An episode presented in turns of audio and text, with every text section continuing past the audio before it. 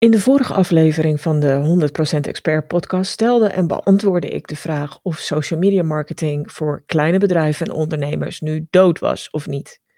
En daarin noemde ik de optie om social media zo in te zetten dat je beter vindbaar wordt in Google.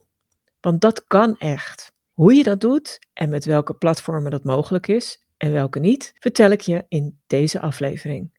Mijn naam is Linda Krijns en als content marketeer help ik kennisprofessionals en bedrijven om hun expertise beter vindbaar en zichtbaar te maken.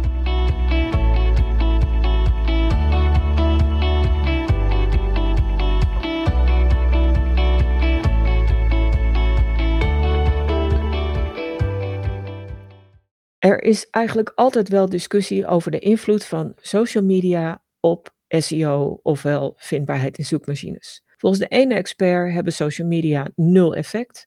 En volgens andere experts beïnvloedt de mate waarin jouw website rondgaat op social media toch echt wel de kans om hoger te komen in Google. Simpelweg omdat naarmate je content meer wordt gezien en gedeeld, er meer mensen op je site komen die meer pagina's bekijken. Daardoor krijgt Google door dat hier iets waardevol staat en beloont dat over het algemeen met een goede of een hogere positie. Maar goed, er zijn dus verschillende meningen over. En wie hier nu precies gelijk heeft, en of misschien beide partijen gelijk hebben of deels gelijk hebben. De enige die het exact weten zijn de developers bij Google. Dus daar zal, ga ik nu geen uitspraak over doen. Maar er speelt nog wel iets anders bij social media en vindbaarheid in Google of Bing of andere zoekmachines. En dat onderwerp dat mis ik een beetje in de discussie. Want sommige social media berichten zijn op zichzelf al vindbaar in Google. En dat komt omdat Google bepaalde social media berichten indexeert. Dat betekent dat die berichten zichtbaar zijn in de zoekresultaten en zelfs hoog in Google kunnen komen. Dat is handig als het met je website lastig is om gevonden te worden voor een bepaalde zoekopdracht. Bijvoorbeeld omdat je website nog vrij nieuw is, of omdat je site weinig autoriteit heeft, of misschien omdat je wel helemaal nog geen site hebt. Op welke manier kunnen social media platformen je dan helpen? Nou, eigenlijk zijn er drie platformen die daarbij in het oog springen, omdat ze je echt kunnen helpen om beter vindbaar te worden in zoekmachines. Dat zijn LinkedIn, YouTube en Pinterest. En waarom dan deze drie? Nou, eigenlijk omdat Google de inhoud van deze platformen indexeert, of in elk geval een deel van de inhoud van die platformen. Bovendien zijn dit websites met een hoge autoriteit, en zie het als volgt: hoe hoger de autoriteit, hoe betrouwbaarder de inhoud, althans in de ogen van Google, hoe groter ook de kans dat de inhoud van die site hoog in Google komt. Zie websiteautoriteit voor het gemak als een cijfer tussen de 1 en de 100. Hoe hoger, hoe beter. Nieuwe beginnende websites beginnen op 0 of op 1 en gaan dan langzamerhand stijgen als ze het goed doen. En veel Nederlandse websites zie je ergens tussen de 10 en de 40 zitten. En om richting die 100 te komen, dat is voor de meeste websites niet te doen. Bedenk dat eigenlijk alleen maar Google websites op 100 staan. Maar deze drie websites zijn toch wel een beetje een uitzondering. En scoren dus waanzinnig hoog qua domeinautoriteit. Je kunt die autoriteit vaststellen met verschillende soorten tools. En als ik zo'n tool gebruik, dan komt LinkedIn bijvoorbeeld uit op een domeinautoriteitsscore van 99. Pinterest scoort 94 en de knaller is YouTube, want die komt uit op 100. Dat is niet zo heel gek, want YouTube is van Google. Dus waarom zouden ze die lager laten scoren? Maar terug naar die drie platformen die je kunnen helpen om met berichten goed en hoog in Google te komen. En de eerste die ik wil adresseren is LinkedIn. Eigenlijk ook omdat dat het makkelijkste platform is, het meest laagdrempelig om voor dit tool te gebruiken. Want LinkedIn-artikelen kunnen hoog in Google komen, waardoor jouw verhaal of jouw kennis alsnog in beeld komt als dat met je eigen website voor die zoekopdracht niet zo goed wil lukken. En sterker nog, wat soms zelfs het geval is, dat je zowel met LinkedIn als met je eigen website in de zoekresultaten kunt komen te staan voor een bepaalde zoekopdracht. Dan moet het niet identieke content zijn, maar ze moeten wel onderling voldoende verschillen. Maar als je dat voor elkaar hebt, dan heb je dus in feite dubbele impact. Maar goed, laten we niet meteen voor de dubbele impact gaan. Enkelvoudige impact kan ook al heel mooi zijn. En hoe werkt dat dan met een LinkedIn-artikel? Als je een LinkedIn-artikel gaat schrijven, bedenk dan voor welke zoekopdracht of zoekopdrachten je graag vindbaar zou willen worden. En idealiter is dat een opdracht waarvoor je met je eigen website nog niet goed kunt ranken. Schrijf daarvoor dan een LinkedIn-artikel dat anders is dan een soortgelijk artikel dat misschien al op je eigen website staat. En misschien heb je er nog geen artikel over geschreven hè, op je website. Dat zou ook kunnen. Maar je wil op LinkedIn in elk geval unieke content publiceren.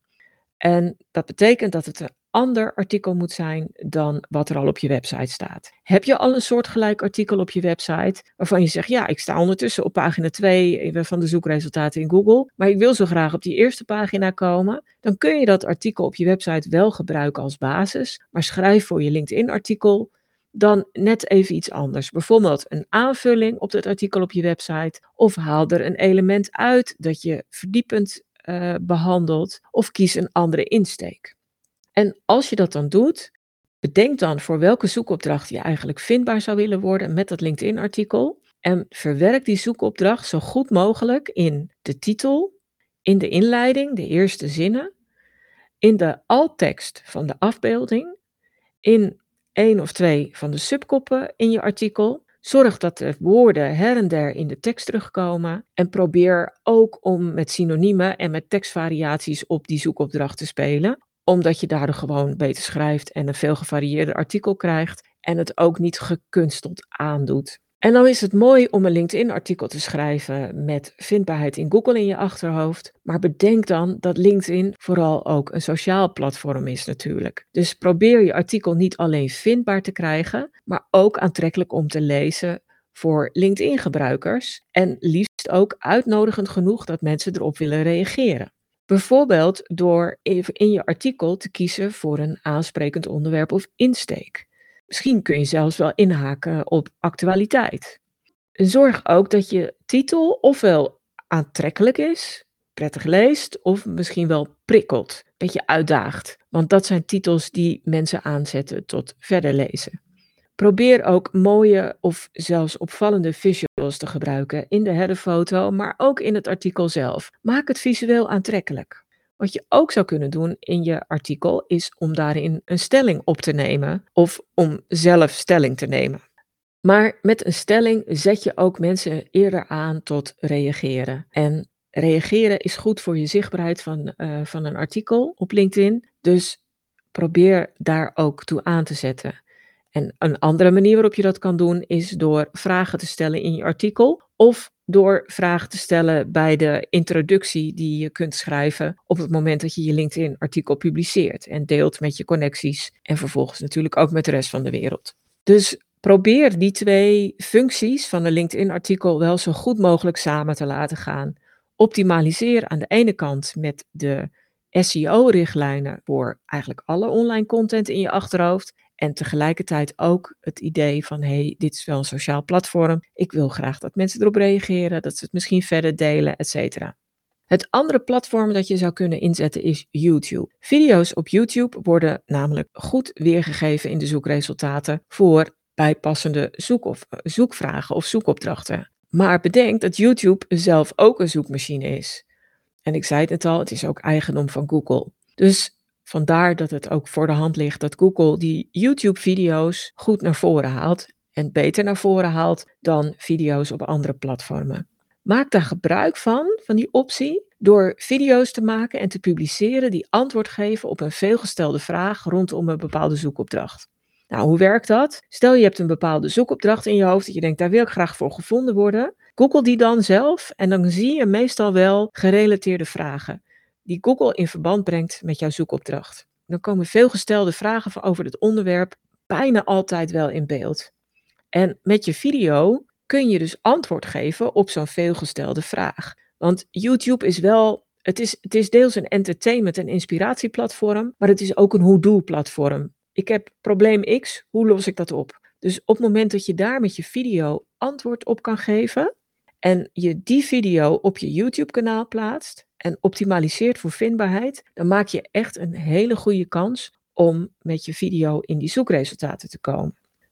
En ik zei het al, dan moet je hem wel optimaliseren voor vindbaarheid. Het gaat een beetje ver om dat hier nu uitgebreid te behandelen, maar dat betekent bijvoorbeeld dat de zoekopdracht of de zoekvraag echt wel in je titel moet zitten. Vooral ook in de introductie moet zitten, liefst al een beetje aan het begin, maar ook dat je vervolgens die introductie wat uitgebreider uh, maakt door aan te geven wat die video aan de kijker te bieden heeft, waarbij je ook probeert om die zoekopdracht en die zoekvragen in die introductie te verwerken.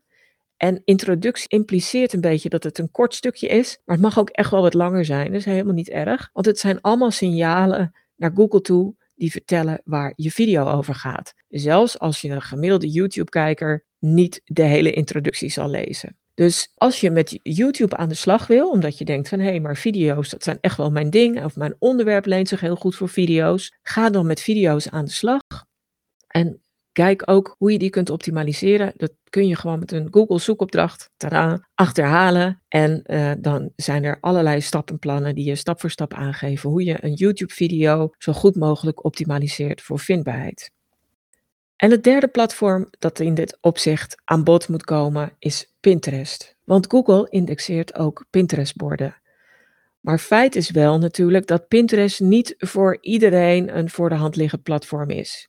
Maar ben je uh, toch al actief op Pinterest? Dan raad ik je wel aan om hier aan te denken als je een nieuw bord maakt of een bestaand bord gaat aanpassen met het idee van vindbaarheid in je achterhoofd. Zorg dan dat je bord een niche-onderwerp adresseert. Dus een, niet een heel breed onderwerp waar heel veel concurrentie op is, maar een heel specifiek onderwerp. En voor deze podcast eh, controleerde ik net van, hey, laat, laat Google inderdaad nog steeds die Pinterest-borden goed zien in de zoekresultaten. Want je weet maar nooit, zou ik het vertellen en dan blijkt dat het de afgelopen maand net weer anders is. Maar gelukkig, nee, het klopt nog steeds.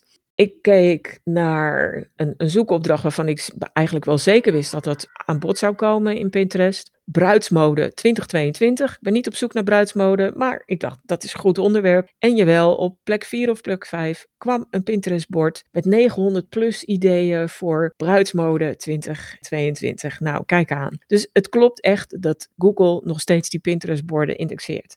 Maak daar gebruik van. Dus zorg dat je bord een niche-onderwerp adresseert. Zorg dat je bord een goede titel heeft die matcht met de zoekopdracht waar je voor gevonden wil worden, bijvoorbeeld bruidsmode 2022. Maak gebruik van de ruimte die Pinterest je biedt om een goede beschrijving van het bord te geven. Zet daar ook weer de relevante termen in. Bruidsmode, bruidsjurk, trouwjurk, trouwmode. Nou, daar kun je allerlei andere woorden bij verzinnen die helpen om goed gevonden te worden. En zorg natuurlijk wel dat het echt een bord is met verschillende pins erop die daarmee verband houden. En zorg er dan ook voor dat de pins die je daarop plaatst goed beschreven zijn met, met relevante termen die ook weer aansluiten op het totale onderwerp van je bord. Dus ga niet gekke trucjes toepassen. Zorg wel dat je bord echt klopt en een goede weergave is van alles wat er met die zoekopdracht te maken heeft. En doe het ook alleen maar voor onderwerpen die matchen met het onderwerp van je totale account. Het totale plaatje moet wel kloppen. Maar als je dat doet, dan maak je voor veel onderwerpen echt wel kans om geïndexeerd te worden met je Pinterest-bord.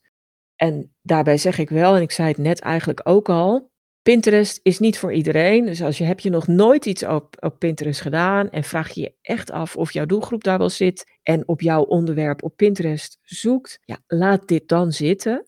En doe het alleen als Pinterest voor jou toch al een redelijk voor de hand liggend platform is om je aanbod, je berichten, je boodschappen, je verhalen met je doelgroep te delen. Dan is dit een mooie extra kans om in te zetten. Dus samenvattend, als het lastig blijkt om met je website hoog in Google te komen, dan kunnen sommige social media platformen dus uitkomst bieden. LinkedIn-artikelen, Pinterest-borden en YouTube-video's worden geïndexeerd door Google en maken daardoor kans op een goede plek in de zoekresultaten, omdat ze een hoge domeinautoriteit hebben. Dus maak daar gebruik van, zou ik dan zeggen. En vooral de LinkedIn-artikelen zijn behoorlijk laagdrempelig, zeker als je toch al gewend bent om artikelen te schrijven. Dan zou ik daar echt mee beginnen en een paar experimenten doen en vervolgens kijken van, hey, werkt dit voor mijn onderwerpen?